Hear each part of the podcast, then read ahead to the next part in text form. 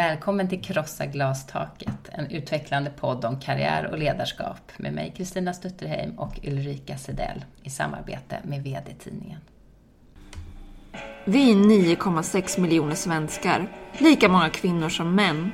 Kvinnor står för hela 64 procent av alla högskoleexamina, men bara för 42 procent av det som är arbete. Det är bara 37 procent av alla chefer som är kvinnor. I Sverige är 25 procent av alla egenföretagare kvinnor.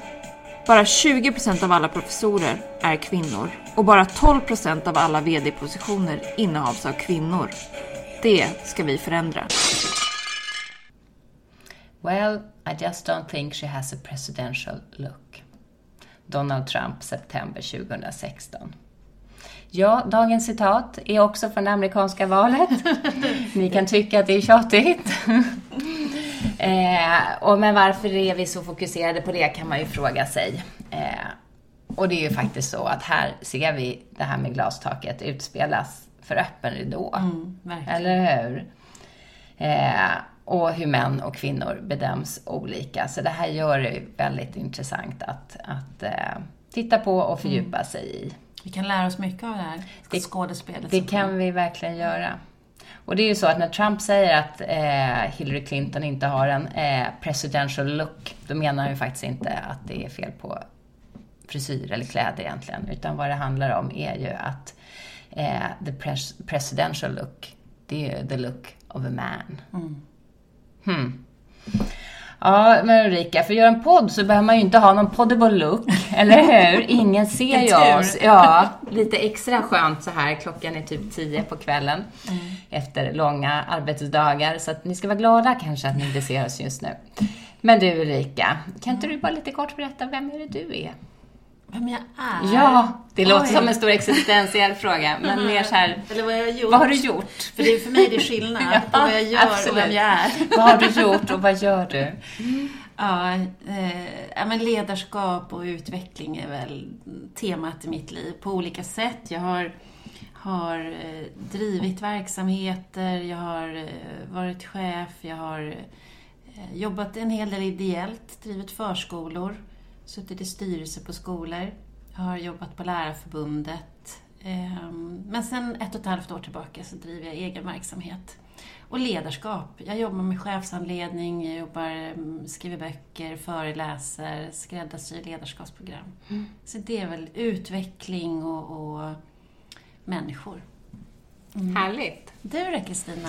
Och jag då? Vad har du gjort? Vad har jag gjort? Vem är jag? Vad har jag gjort? Vad har jag gjort? Eh, nej men mitt tema då är mer marknadsföring och kommunikation. Mm. har jag jobbat med i en herrans massa år. Mm. Eh, och ungefär 20 år av alla dessa herrans år har jag varit chef mm. eh, av ett eller annat slag.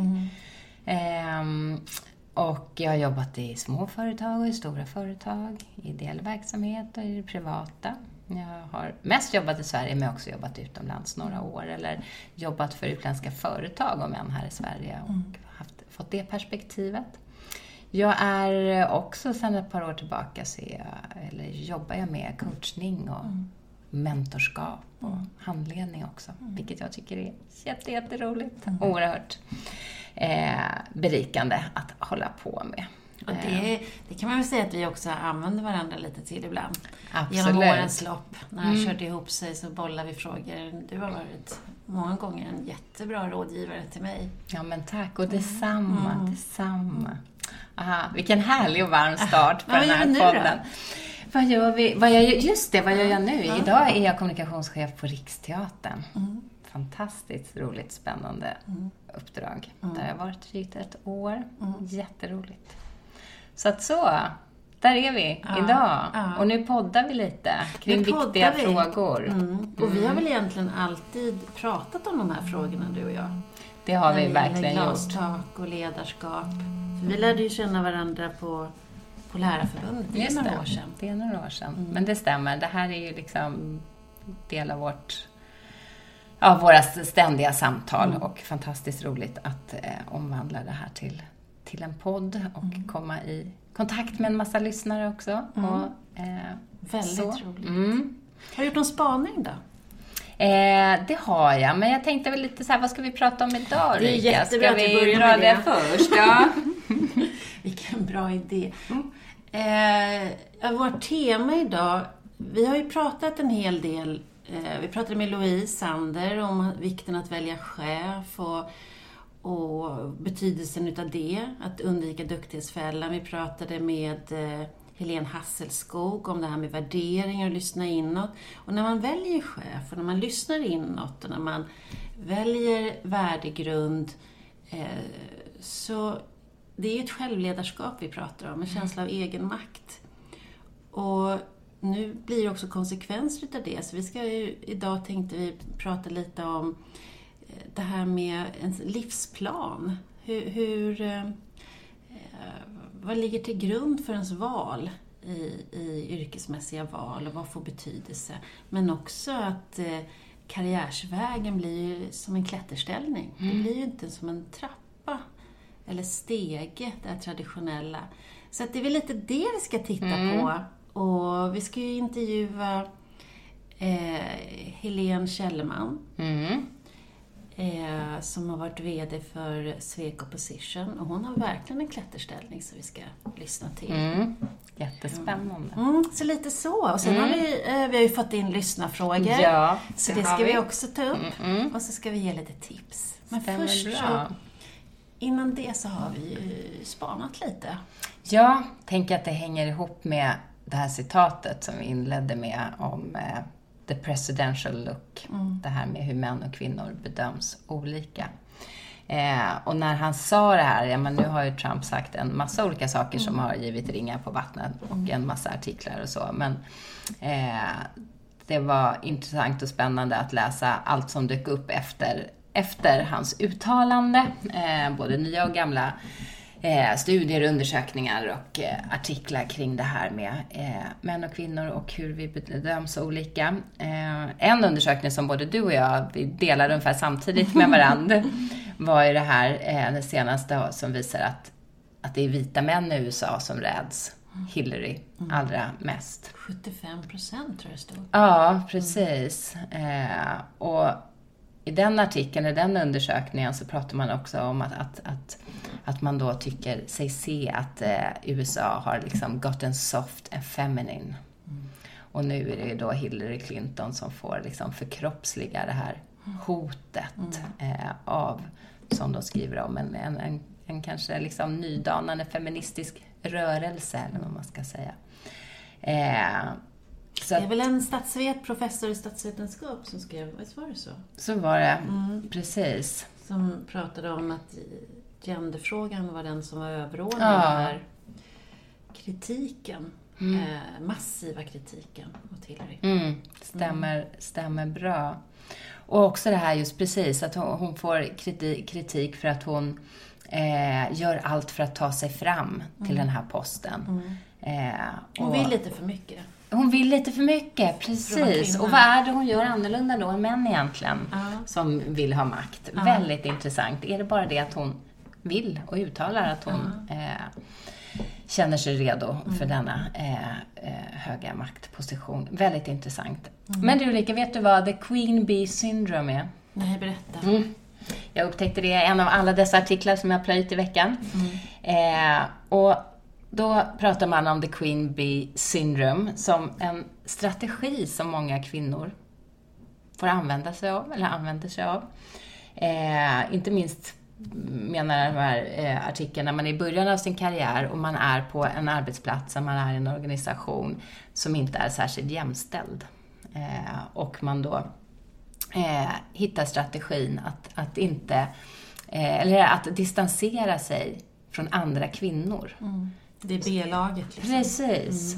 Och det fanns uttryckt just eh, någon som jobbade på Google som pratade om uh, I'm not a girl at Google, I'm a geek at Google. För då sätter hon sig i ett annat sammanhang, inte det här med att hon är tjej. Eh, så det är the Queen Bee Syndrome. Och Har du sett något sånt i din egen vardag någon gång? att man har distanserat sig så. På arbetsplatser eller vänner eller...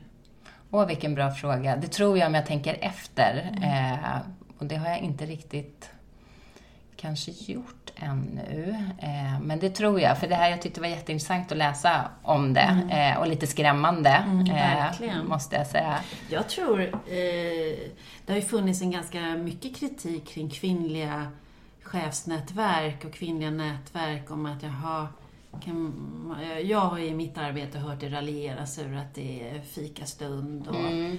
och vad gör det för skillnad att kvinnor möts? Eh, vad, vad, har det för bäring på de strategiska frågorna mm. eller så? Mm. Eh, att det blir mer, ja men det är bra om ni träffas. Eh, det är bra att ni får någonting att prata om. Mm. Eh, och det tycker jag hänger ihop med det här. Mm. Att det mm, är, det är inte grabbarna grus. Det är inte de som ska göra business. Det är inte de som ska eh, bereda mark eller göra affären som träffas för att mm. diskutera det. Utan är det någonting annat mm. de pysslar med där.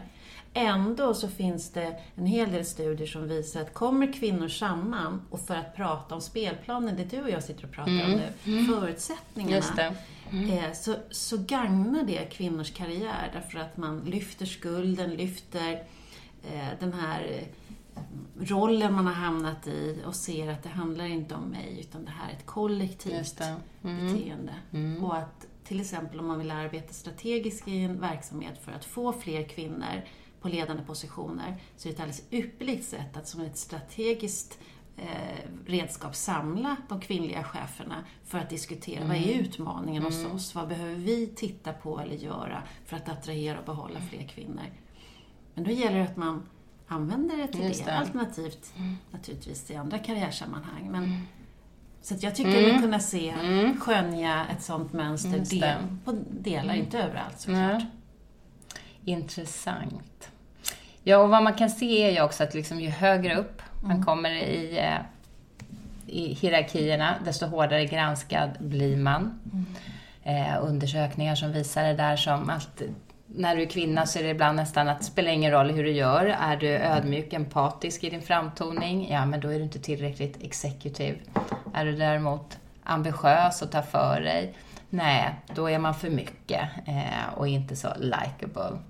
Det är en tydlig härskarteknik. Det kan man ju säga, precis. Mm. Och hur du än gör så eh, blir det fel.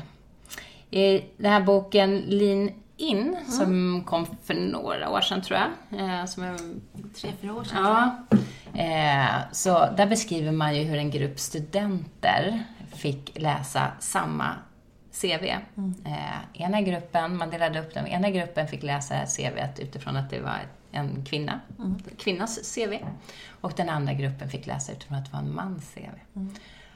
Och sen eh, visade då hur man bedömde, hur man, hur man tyckte att de här personerna var. Mm. Så blev det ju då surprise, surprise. Mm.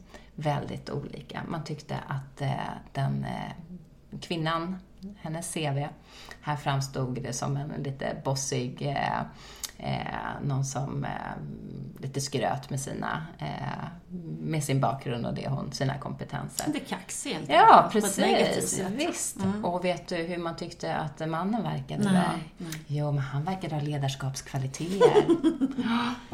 eh, så att det här med att bedömningarna är helt olika och, och det handlar ju som du sa alldeles nyss om spelplanen, eh, där vi rör oss. Eh, Men jag mm. tänker också när du säger det, jag höll en föreläsning på Oscarsteatern eh, med några eh, kvinnliga VDR som jag hade bjudit in och sen så hade jag också bjudit in några män, bland annat Fredrik Hillesson som är VD för Novare och koncernchef som är det bolag som rekryterar absolut flest VD mm. i Sverige. Och han berättade att när han tog referenser på män då som eh, var potentiella kandidater till VD-posten så var det ganska samstämmigt. Oavsett hur det var så var det väldigt samstämmigt, det man, eh, de han ringde till. Men när det gäller kvinnor så upplevde han att diskrepansen var oerhört mycket större eh, när han tog referenser. Det kunde vara att en, en person hyllade den här kandidatens kompetenser, kvaliteter, resultat hittills och någon annan, och nu citerar jag honom, kunde säga att hon var en bitch. Mm. Så referensen på den här kandidaten var bitch. Mm. Och det är också rätt intressant, för personen i fråga har ju gjort precis samma sak. Men i olika ögon så betraktas det här på olika sätt. Och det stämmer ju. Verkligen. Verkligen.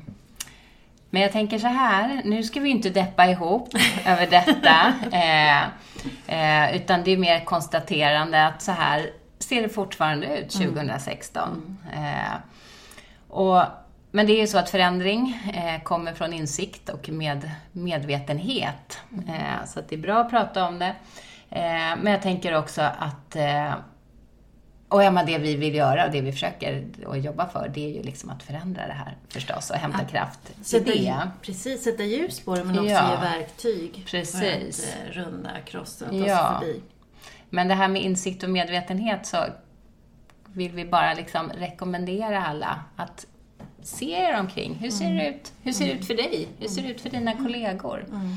Eh, för det, behöver, det börjar ju där, att vill man förändra så behöver man först faktiskt bli lite medveten om att ja, det kanske faktiskt är så här även där jag verkar mm. och det är det som eh, gör att det skaver och går lite trögt, eller vad det nu kan vara. Så att se er omkring eh, och eh, fundera på eh, läget hos er. Mm. Eh, och det här leder oss ju faktiskt in på den lyssnarfråga vi tänkte plocka upp, som får mm. representera ja, flera ja. lyssnarfrågor av samma, eh, samma sort. Och vi ska ju också, jag tycker vi ska tacka, vi, jag blir så glad. Det är fantastiskt. att vi får Verkligen. frågor och mm. förtroenden och, mm. och eh, ver, tack. Verkligen. Och eh, då har vi valt att lyfta en särskilt. Eh, och jag tänkte läsa den. Mm. Eh, hej och tack för en fin podd. Jag har en ny närmsta kollega som är expert på att vara, inom citationstecken, skön snubbe.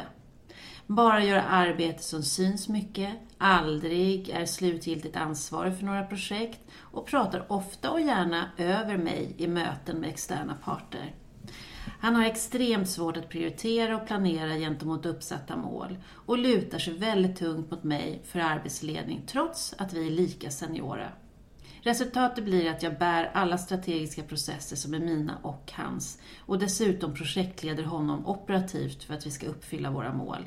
Jag håller på att jobba ihjäl mig. Och trots att jag tagit upp problematiken med att jag jobbar för mycket och behöver avlastning i form av annan ansvarsfördelning, så händer inte mycket. Min kollega tar på sig ansvaret för saker när han får frågan, men sedan fullföljer han inte. Alternativt ringer mig och stämmer av precis allt ändå. Min fråga. Hur lyfter jag detta till min chef på ett sätt som löser mitt problem utan att outa min kollega som en slacker? Jag är rädd att inte bli tagen på allvar och att det istället kommer reflektera dåligt på mig utan att det kommer bli någon förändring. Allt gott. Mm. Stor igenkänning tror jag. Ja, jag tror detta. vi alla, mm. de allra flesta har varit där. Absolut. Eh, Vad skulle du vilja ge för råd då, Ulrika? Ja, först så skulle jag vilja eh, tacka för att lyfta just den här frågan, för den, den visar ju verkligen spelplanen med den här duktiga, ambitiösa eh, hon i det här fallet och han som är mindre, eh, men vill bli synlig. Jag skulle ge tipset att först och främst så skulle jag säga släpp lite taget om honom. Koncentrera dig på dig, dina behov och vad som är viktigt för dig. Sätt dig ner och titta på ditt skrivbord. Exakt vad ligger på ditt skrivbord just nu? Oavsett om det från början var på hans bord och nu har hamnat på ditt. Eh, eller om det var ditt från början. Vad finns där? Rada upp alltihopa eh, och sen gå in till din chef och så tala om. Det här ligger på mitt skrivbord. Eh, jag behöver hjälp med prioritering och avlastning. Det är för mycket helt enkelt. Sen är det chefens jobb att lyfta saker från ditt skrivbord. Sen Steg nummer två är att sluta hjälpa. Sluta bidra till att han eh, lyckas. Mm. Eh, och då kan det tyvärr vara så att det innebär att något av era projekt inte håller deadline eller går i mål. För jag uppfattar det som att ni jobbar tillsammans. Eh, men då får du göra det. Mm. Eh, och därefter får man titta på varför blev det som det blev. Eh, vad gjorde du? Vad gjorde han? Eller inte gjorde han? Det vill säga, ridån måste gå upp för detta skådespel. Det måste bli synligt och transparent vad som pågår. Eh, och är det så då att när det här blir synligt eh, så eh, får din chef ordning på det här eh, och gör, strukturerar upp det, kanske får han andra arbetsuppgifter eller så. Och då är det ju allt gott. Mm. Gör chefen inte det, utan snarare försöker att dölja det här eller påstå att det är ert gemensamma ansvar, ni får sköta det här själva. Det har vi varit med om Kristina. Ja, det har vi. Eh, om det blir så, ja då finns det faktiskt inget annat att göra än att ta sig därifrån. Då är det fel chef. Eh, så då är det ingen idé att stå där och försöka göra någon förändring, utan gå därifrån. Så steg ett, gå till chefen, eh, rada upp, ta, eh, be om hjälp med prioriteringar och avlastning. Steg två, släpp ansvaret för din kollega. Låt i sådana fall, om det måste ske, ett projekt faktiskt gå dithän, gå åt skogen på något sätt. Eh, och nummer tre, får du inte stöd då från ledningen eller chefen, gå därifrån. Bra. Tydliga tips och råd. Och vi kommer få lite mer tips och råd nu, för nu ska vi eh, träffa dagens gäst. Mm. Helena Källerman. Det ska bli jätteroligt. Mm. Så Då gör vi det. då gör vi det.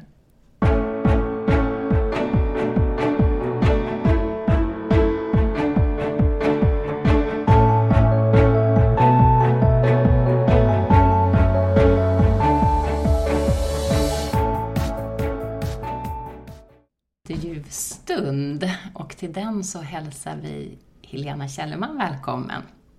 Vi brukar förflytta oss till någons kontor, men idag sitter vi faktiskt hemma hos Ulrika, som vi brukar göra när vi poddar i övrigt och det doftar bullar och vi dricker te och har det allmänt bra. Och det ska bli jätteroligt att få prata med dig. Eh, bara det att du svarade på en fråga tidigare, läste jag om eh, hur det är att göra karriär idag, så skrev du, eller så svarade du bland annat att eh, ja, men, man måste go wild. Det gör ju att det här känns väldigt lovande, tycker jag. Spännande. Eller hur? Så välkommen hit. Tack.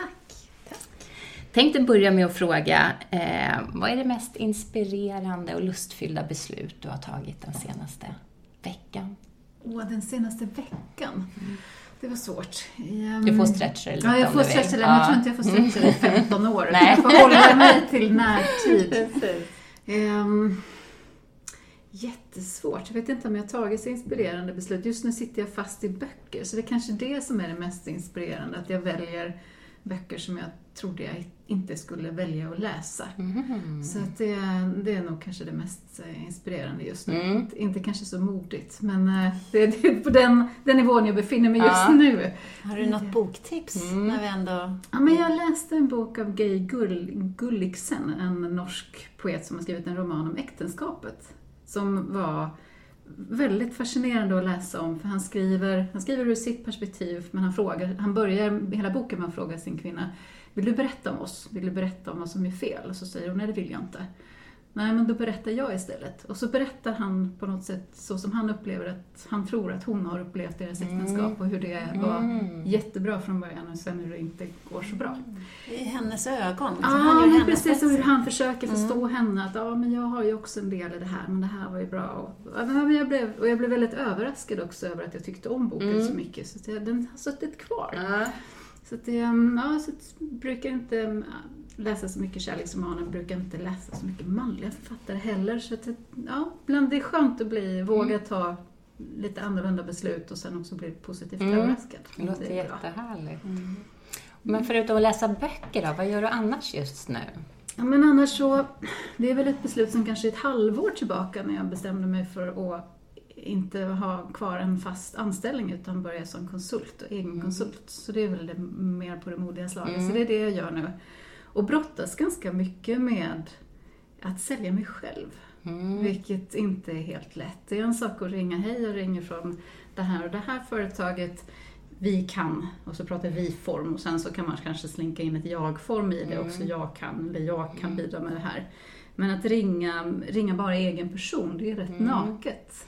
Och det är mycket mer naket att få det nejet också om man får ett nej. Nej Mm. tyvärr, vi behöver inte just det som du erbjuder idag. Mm.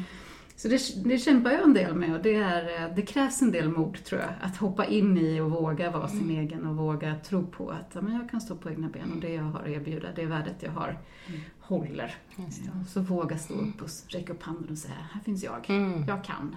Och det är en, du har ju varit involverad i väldigt starka varumärken också, som du har representerat genom mm. årens lopp. Det med din bakgrund från Handels och sen amerikanska stora konsultbyråer och Läkare utan gränser, du har varit VD för Sweco Position. Eh, så det blir ju också stort hopp att bara representera dig mm. nu. Jag, men den är ju, jag tror att den är jättenyttig. Den är jätterolig, den är mm. inspirerande och jag är jätteglad att jag har tagit steget och jag blir men jag möter sidor hos mig själv som förvånar och det är också, jag gillar att bli förvånad. Och, och ju äldre man blir desto mer så tänker man att, eller jag tänker att men det här har jag koll på, jag vet hur jag funkar och jag har pratat om mig själv och med mig själv och terapeutat hit och dit och pratat med coacher åt alla håll och kanter och tänker att men jag har koll på mig själv. Och så märker man att nej, inte full koll. Mm. Inte i alla situationer, utan vissa situationer är nya och där beter jag mig på ett annat sätt. Mm. Så det är spännande. Mm. Det är verkligen spännande. Ja, det låter jättespännande. Jag tänker på din bakgrund, för du har ju en väldigt spännande bakgrund. Eh, du kom ut som handelsstudent och gjorde, påbörjade den här eh, ganska traditionella konsultresan eh, in i, i de större managementbolagen. Men sen hoppade du av och gjorde något helt annat. Du kastade iväg till utvecklingsländer med Läkare eh, utan gränser. Kan du inte berätta lite? Vad, det är ju ett val som jag tror väldigt många går och drömmer om att göra något liknande, men som man inte gör. Men du gjorde det. Ja, och det är nog som du säger, det är många som tänker att man vill göra det och sen så, så händer massa andra saker istället. Jag, ehm, ja, det var ju inte en färdig plan, utan det var något som, eh, som dök upp på vägen. Och jag tror att det har nog alltid präglat mina val, att någonstans så har det dykt upp något och så har jag blivit nyfiken och så har jag tagit några, jag hade vågat ta några steg ner på den här lockande stigen. Det är inte alltid jag följer den stigen hela vägen ner, men jag tar ett par, tre steg i alla fall. Och i det här fallet så stod jag för ett av eh, de här stora amerikanska konsultbolagen på en arbetsmarknadsdag. Och då stod Läkare utan gränser mitt emot som en monter och sökte också ekonomer och då blev jag väldigt nyfiken. Och så sa de, men vi söker ekonomer också, för hälften av de som åker med Läkare utan gränser är icke-medicinare. Och så hade jag hört någonstans för länge sedan också att just Läkare utan gränser hade väldigt hög, hög profil och väldigt duktiga och väl ansedda, så att jag blev nyfiken. Och tror nog att jag skickade in någon ansökan eller kan vi ses att jag får. Och den, det, jag brukar göra så. Jag vill, ha, jag vill gå ett steg till, jag vill veta lite mer. Mm. Så jag tog något möte med dem och blev jätteinspirerad och kände att men det, här, det här är roligt. Så då, då skickade jag in en ansökan och så tänkte jag att ja, får, får jag vara med så får jag vara med. Och så... Perspektiv och så, vad, vad fick du med dig? Vad, vad lärde du dig som har gagnat ditt ledarskap eller ditt, ditt liv? Jag fick med mig jättemycket. Jag brukar säga att min, min resa med Läkare utan gränser var extremt förödmjukande. Och det kanske inte är ett ord som är så positivt laddat, men i mitt fall var det det. Det gjorde mig mycket mer ödmjuk än vad jag var innan. Eh, jag hade rafsat på där i, på Handels och traskat i någon slags liten minikarriärväg i alla fall. Jag var ju ganska ung när jag åkte iväg. Men jag såg nog på mig själv som att jag var rätt bra och det var skönt att komma iväg och inse att nej, jag var inte så bra. Och jag kunde inte så mycket. Jag åkte iväg extremt naiv och tänkte att nu ska jag lära ut allt jag kan. Och i mitt, i mitt fall åkte jag ju som ekonom som första, första uppdrag också och tänkte att nu ska jag lära ut allt jag kan om ekonomi och jag ska minsann kunna en massa saker. Och jag kunde ingenting. Så det jag har tagit med mig, förutom att bli lite mer ödmjuk inför vad andra människor kan, ehm, så har jag också Ehm, pressats in i situationer som jag tror är svåra att skapa i en svensk miljö, för vi är så trygga här. Det mm. finns strukturer, det finns om man behöver säga upp en person till exempel så vet man att man får en a-kassa mm. eller man har, man har ett socialt stöd här. Säger man upp en person i, i Nairobi eller i Sydsudan eller i, i Uganda så, så hamnar de på gatan. Och det kan vara, det är inte bara för barnen då, den närmsta frun eller mannen som är beroende av den inkomsten, utan det är en hel släkt som kan vara beroende av en inkomst. Så att de här besluten man tar är de är svåra på ett annat sätt. Mm. Det finns, man kan inte gömma sig lite bakom att så länge jag gör ett bra jobb och har ett bra samtal här när jag säger upp dig så kommer du klara dig sen, utan det, är, det kommer mycket närmare. Mm. Eh, och sen säkerhetssituationer som man lever i när man har runaway bags på nätterna och sover med färdigpackade sådana ifall någonting händer och man har säkerhetsrestriktioner vi bor tillsammans, oftast hela teamet i samma hus eller samma, man brukar kalla det compound, där man har några byggnader på samma, inhägnat i samma område. Så jag brukar likna det ibland att det är någon slags Big Brother-tillvaro. Mm. För man ska inte bara jobba ihop, utan man ska också leva ihop. Mm. Och dela någon slags vardag ihop. Och det behöver man inte göra i svensk kontext. Om jag blir upprörd eller förbannad eller glad eller ledsen eller är jättetrött efter en arbetsdag, oavsett hur hektisk den har varit, så kan jag alltid gå hem och stänga av på något sätt. Eller jag kan gå ut och springa, eller jag kan äta en halv liter glass och tycka synd om mig. Men det finns, det, du, kan, du får en paus, men det får du inte när du är iväg i de här områdena. Vilket gör att, tror jag, utvecklingen av mitt ledarskap gick mycket snabbare. Ibland upplever jag de åren som jag jobbar utomlands att en månad kan upplevas som ett halvår hemma, för det händer så mycket saker. Det är så fruktansvärt intensivt. Så, så jag har nog mognat mycket också i, i den resan jag har gjort där. Så den som hade dig som chef innan, om man nu bara tänker, och den som har haft dig som chef efter, kan, vad tror du att den personen, om vi nu är en fiktiv person, vad skulle den ha sett? Jag tror att den ser eh, mer medmänsklighet. Mm. Eh, Inte riktigt lika snabbt på resultat och, och rakt fram, utan jag ser att det finns en människa bakom också. Han har väckt upp ett annat... Jag har alltid varit intresserad av att försöka förstå vad som driver människor, men jag tror att jag har blivit eh, fått större respekt för det, större förståelse för det och, och ännu mer intresse för det. Mm. Och jag tror också att jag, just med den här förödmjukelsen någonstans, att inse att jag inte kan så mycket saker, ehm, har gjort mig bättre som ledare så tillvida att jag har en, en enorm respekt för andras kunskap och andras erfarenheter och var, de, var man kommer ifrån. Oavsett om det är att man kommer från en annan kultur eller att man har en annan kompetens Mm. så har jag oftast ganska stor respekt för det. Sen har jag fortfarande, fortfarande ett självförtroende där jag vet vad jag kan och vad min roll är men jag, jag har kanske inte heller så stor så stort behov av att hävda det, Nej. min plats. Utan jag gör den här delen och det här är du och det här är din roll i vår grupp och så här delar vi upp det. Så Mm. ja men absolut, tryggare. För nu har du gjort samma hopp igen, Mm. tänker jag, när vi pratar om det. Nu har du ju hoppat av som VD för Sweco och eh, ska bli konsult som vi pratade om, eller är konsult som vi pratade om. Det är inte bara det, du är författare, du har givit ut en bok. Det var också läskigt. Ja. Det var, det var man kan tänka så här, åh men någon som jobbar med cancer och har jobbat i krig och, och varit på massa olika ställen och kan stå inför 300 personer och prata, det, det är modigt. Men det var, ja den här boken kom i tryck i somras så jag fick den i fysisk form. Den låg tre veckor i bokhyllan och jag vågade inte titta i den. Jag tyckte det var så hemskt. Jag var, åh vad har jag skrivit för någonting? Ska folk läsa nu vad jag har skrivit? Sen började jag närma mig den och acceptera att men det här kanske inte var så tokigt ändå. Men det, var, det är också att blotta sig. Att vara chef och kliva upp på, på den nivån är att blotta sig. Mm. För att man förväntas vara på ett speciellt sätt som chef. Och det är, det är ju samma sak när man ler i det skrivna ordet någonstans. Att man blottar sig. Det här är mina tankar, det här är mina åsikter, det här är min idé om hur, hur livet eller sanningen är. Absolut. Uppdragschef, mellanchef Mm. heter den. Eh, och du har fått jättefina skriverier. Men det, men det är också intressant med, med just det här blottläggandet som säger, för vi pratar ju mycket om det autentiska ledarskapet och att vara autentisk med allt det man har, alla sina styrkor men också tillkortakommande och medvetenhet om att vi är människor.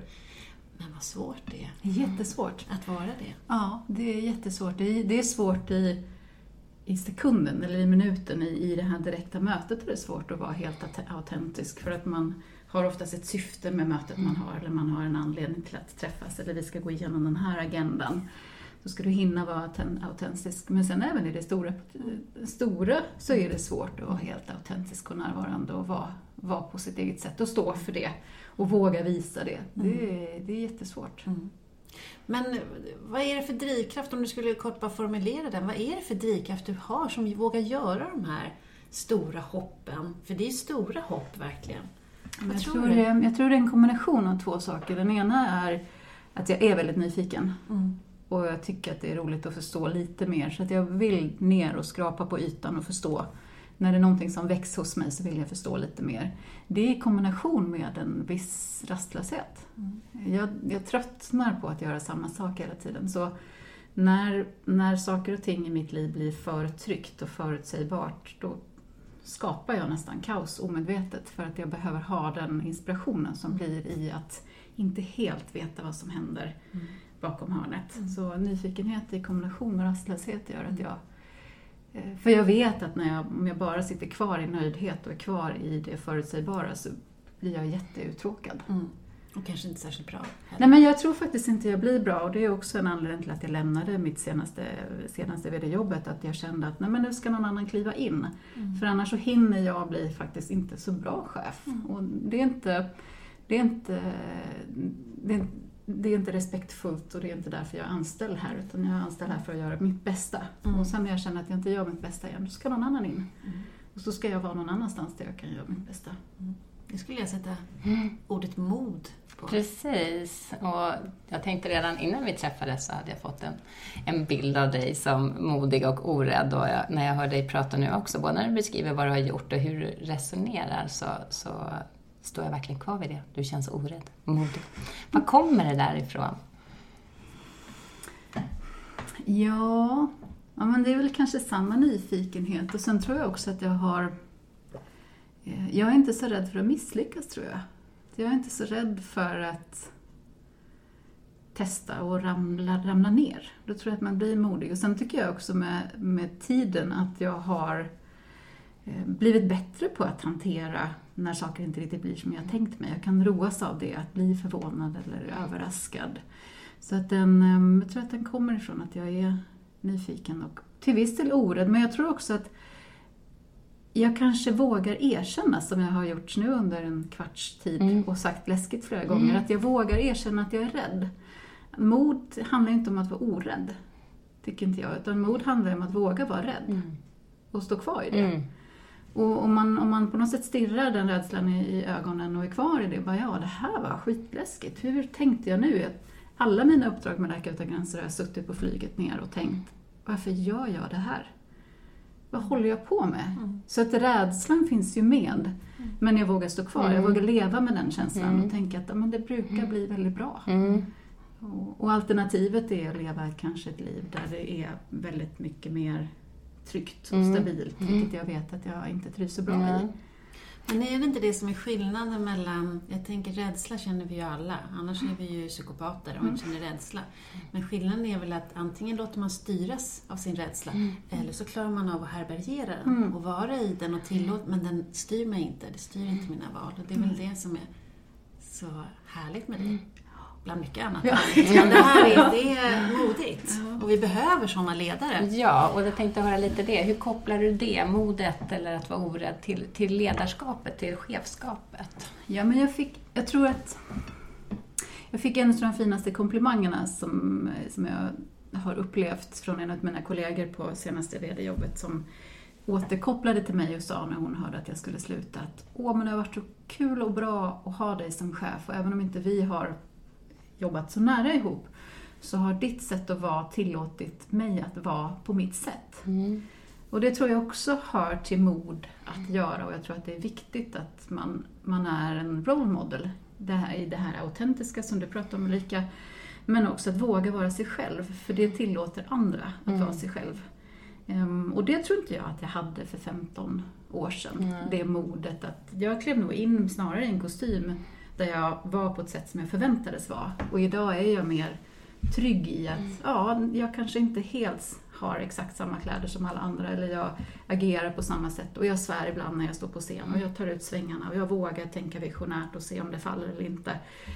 Men, men jag, jag tror att det är också, jag har fått höra det några gånger just det här att genom mitt sätt att vara så tillåter jag andras att vara Mm. på sitt sätt. Och jag tror att den är viktig.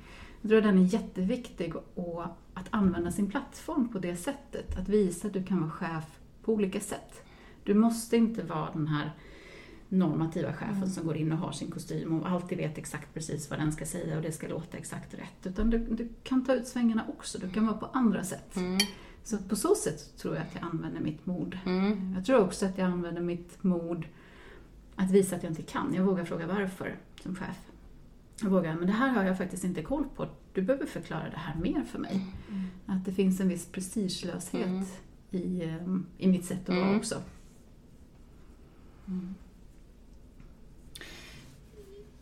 Jag tänker att eh, när du säger så, när du beskriver det här med att jag har alltid vågat vara den jag är, jag har vågat vara autentisk, eh, jag har vågat fråga.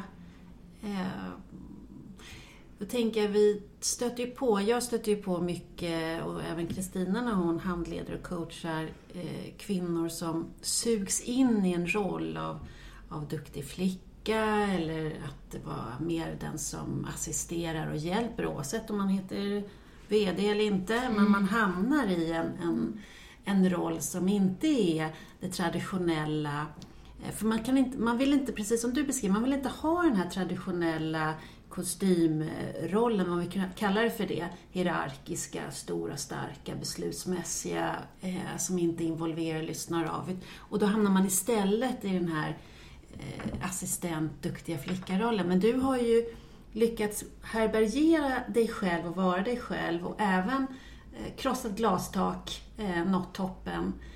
Eh, och då blir jag nyfiken, eh, när du säger det. Har, har du all, betyder det att du har inte stött på glastaket? Du har kunnat vara den du är och ändå slagit igenom det i ditt sätt att vara. Tror du att det är så? Svårt att veta. Ibland stöter man i glastak så himla påtagligt. Mm. Och ibland så kanske det fanns där, men jag är naiv nog att inte se det. Mm. Det handlar lite om vad man är uppmärksam på. Mm. Och jag har nog inte varit så uppmärksam på glastak. Jag har nog mer såhär, jaha, det, det jobbet fick inte jag. Nej, nej, då gjorde jag väl inte bra ifrån mig på intervjun och så går jag vidare. Jag mm. har liksom inte mm. tänkt på att det mm. funnits glastak. Mm.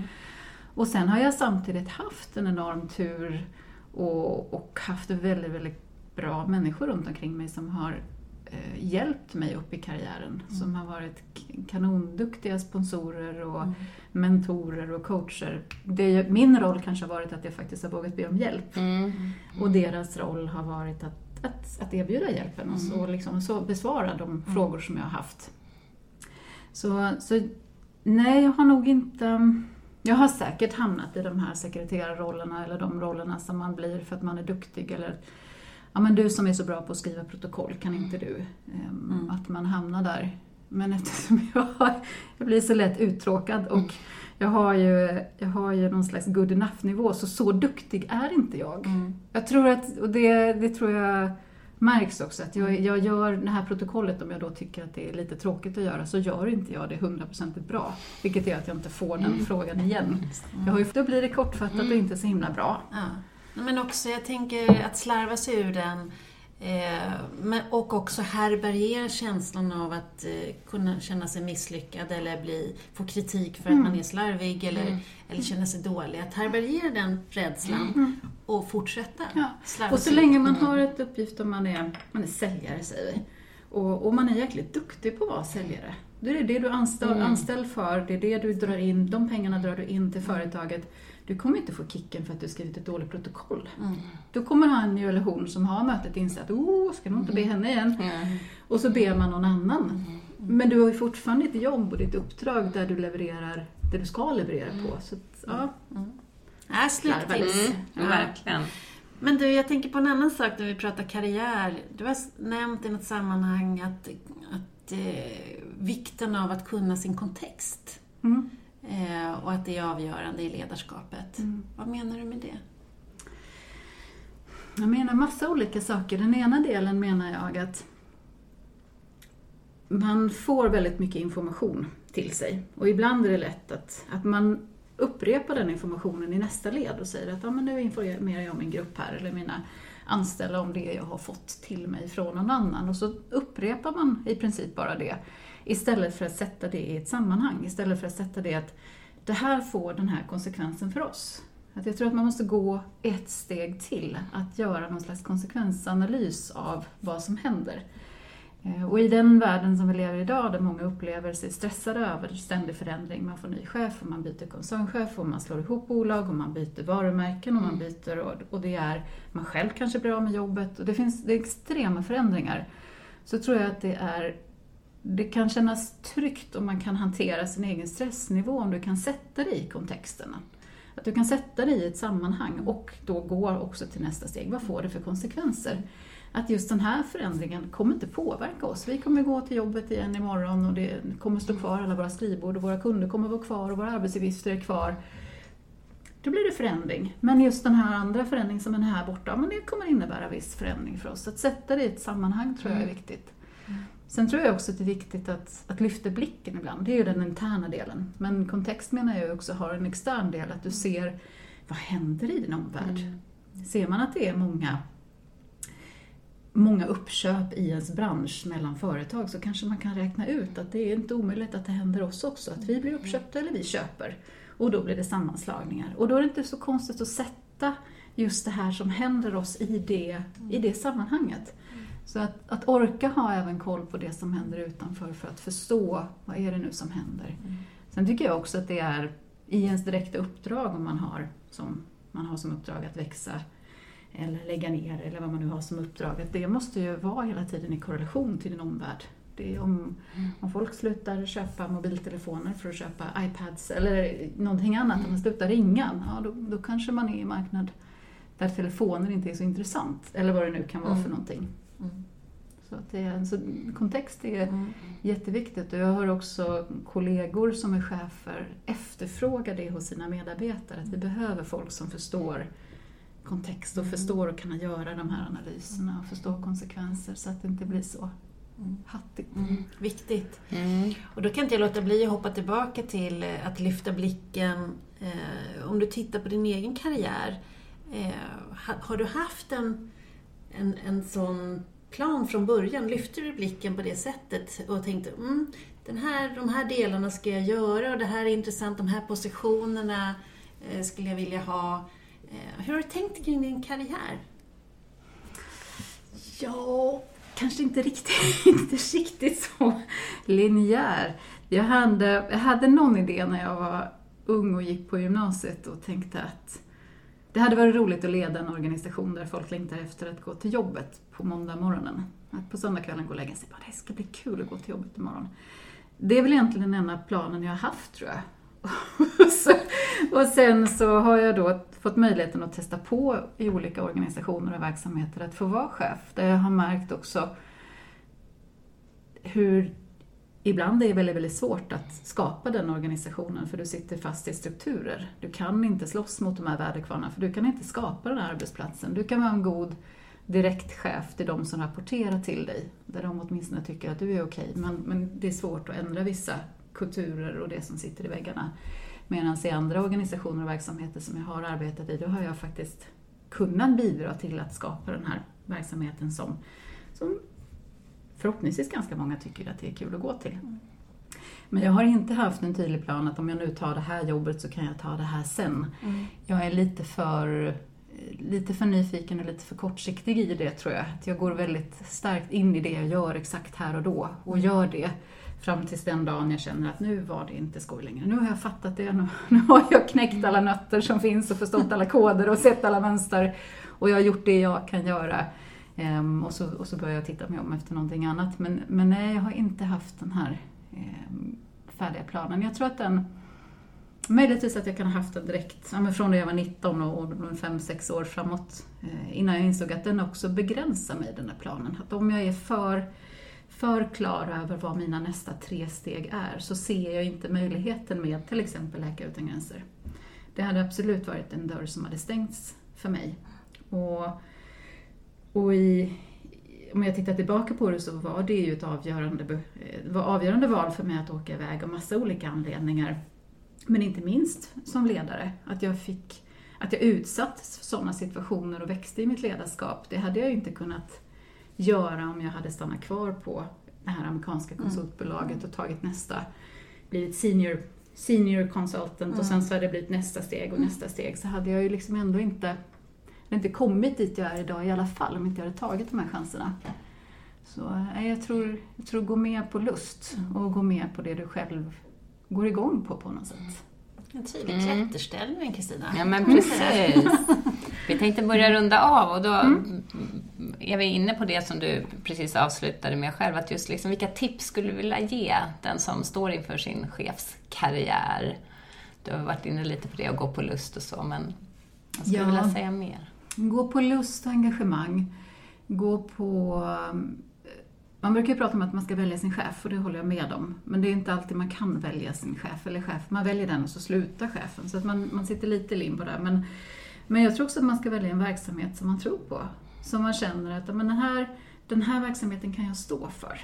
Och, och den, den här tycker jag själv är rolig. Den här blir jag själv inspirerad av. För om man ska vara chef så står man ändå ganska långt fram och långt ut och, och pratar om sin verksamhet. Och det måste man göra med den här autenticiteten.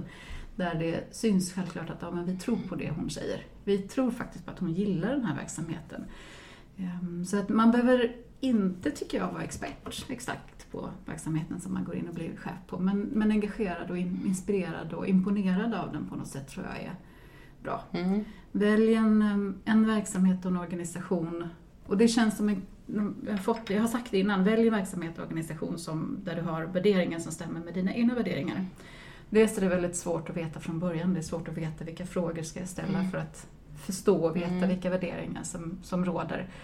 Men, men den är ganska viktig när man kommer upp i en chefspost, att, att någonstans de besluten som tas högre upp i organisationen, de kan man inte man kan inte gömma sig bakom dem och säga jag håller inte med om det, det är de där borta, jag står här. För det, då gör du liksom inte riktigt ditt jobb som chef. Så det är viktigt att det stämmer överens där. Och, och skulle man göra ett felbeslut, skulle man hoppa på en chefsroll och känna efter något år att nej men det här, det skaver. Det, mm. det här är inte rätt. Då får man söka sig ett annat jobb. Mm. Det är liksom inte värre än så. Utan mm. hoppa på det, våga, mm. våga testa och känna av. Och sen gör, gör utvärderingar. Efter, gör en utvärdering en gång om året och se. Kolla bakåt. Tycker jag att det är kul att gå till jobbet? Är jag glad eller är jag frustrerad när jag kommer hem? Eh, hur blir jag som, som människa när jag har det här arbetet? Eh, är, det det, är, det, är jag den jag vill vara i det här jobbet? Jättebra. Härlig avslutning. Är jag den jag vill vara i det här jobbet? Mm. Och det här med värderingar som vi redan har pratat mycket om även i förra podden. Så tack så jättemycket. Verkligen. Och vad mycket tips vi har fått. V verkligen. Ordet matnyttigt kan vi använda här. Vi tackar. Ja, men då fortsätter vi efter mötet med Helen, Helena Källerman. Ehm, det var mycket råd, det var mycket tips. Verkligen. Ehm, och vi pratade just om hennes mod att hoppa av och hoppa på. Och att hon fick en karriär som blir en karriärväg som snarare ser ut som en klätterställning istället för en stege. Och jag tycker själv att det är väldigt häftigt med klätterställningar. Det är väldigt befriande. Mm. Dels så finns det ju, betyder det att det finns ju många vägar mm. till den här positionen, inte bara en. Och sen så blir det ju någonting speciellt med livet, när man kan planera hela livet Eh, I det här fallet så pratar ju eh, Helena om, om eh, sin, sin nyfikenhet och att vilja lära sig nya saker, pröva på nytt och det blir konsekvenser i hennes karriärsväg. Men det kan ju finnas andra saker också, att man har ideella intressen eller småbarn eller annat som gör att man hoppar ner eller hoppar åt sidan. Men då tänker jag att ett sätt kan ju vara att få syn på sitt liv.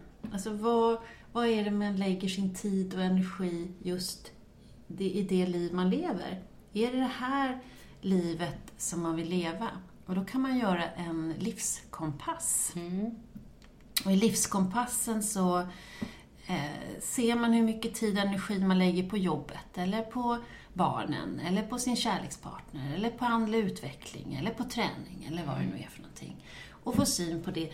Det jobb jag har kanske tar extremt mycket tid. Är det så jag vill ha det? Eller det kanske är så att jag eh, är skild och lever ensam. Jag kanske vill lägga väldigt mycket tid på att hitta den där partnern. Eh, och då måste jag göra justering. Till exempel, känns det som jag... kanske, ja. Så inga namn nämnda. men, men det är faktiskt ett väldigt bra tips att eh, Dels handlar det om att, att, göra någon form av plan för hela livet, en livsplan, men också göra en diagnos över hur ser mitt liv ut nu? Att göra en livskompass för att sen bestämma sig för om man vill göra någon justering eller förändringar i sitt liv. Så vi lägger ut en livskompass på Facebook-sidan Bortom glastaket. Mm. eh, där man själv kan pröva. Vad, säger, vad tycker du om det? Jag tycker det låter fantastiskt med en livskompass. Mm. Det låter jättebra. Mm. Och jag vet att det är bra att göra en sån eh, av egen erfarenhet. Så att, Mm. gör det hörni. Mm. Ta detta. Och man kan göra den, eh, det, och det är viktigt att säga då att det finns ju inget som helst rätt eller fel med hur man har sin livskompass Verkligen inte. eh, och hur den ser ut just nu. Utan hela grejen är att bedöma om den ser ut så som jag vill ha den. Just det. Eller om det finns ett gap. Mm. Ja, Ja, vi rundar av som vi brukar säga, helt enkelt. Och jag tänker att vi rundar av inspirerade av Helenas eh, ingång till hur tänka kring karriär och hur man, eh, eh, hur man kan ta sig an saker och ting med att säga Go wild. mm, underbart. Och sen tycker jag också att vi ska uppmuntra fler lyssnare att skriva in till Ja. karriär krossaglastaket.se. Yes. Och på andra sidan mejlet sitter vi. Ja, Eh, och bara väntar att få ta sig an precis.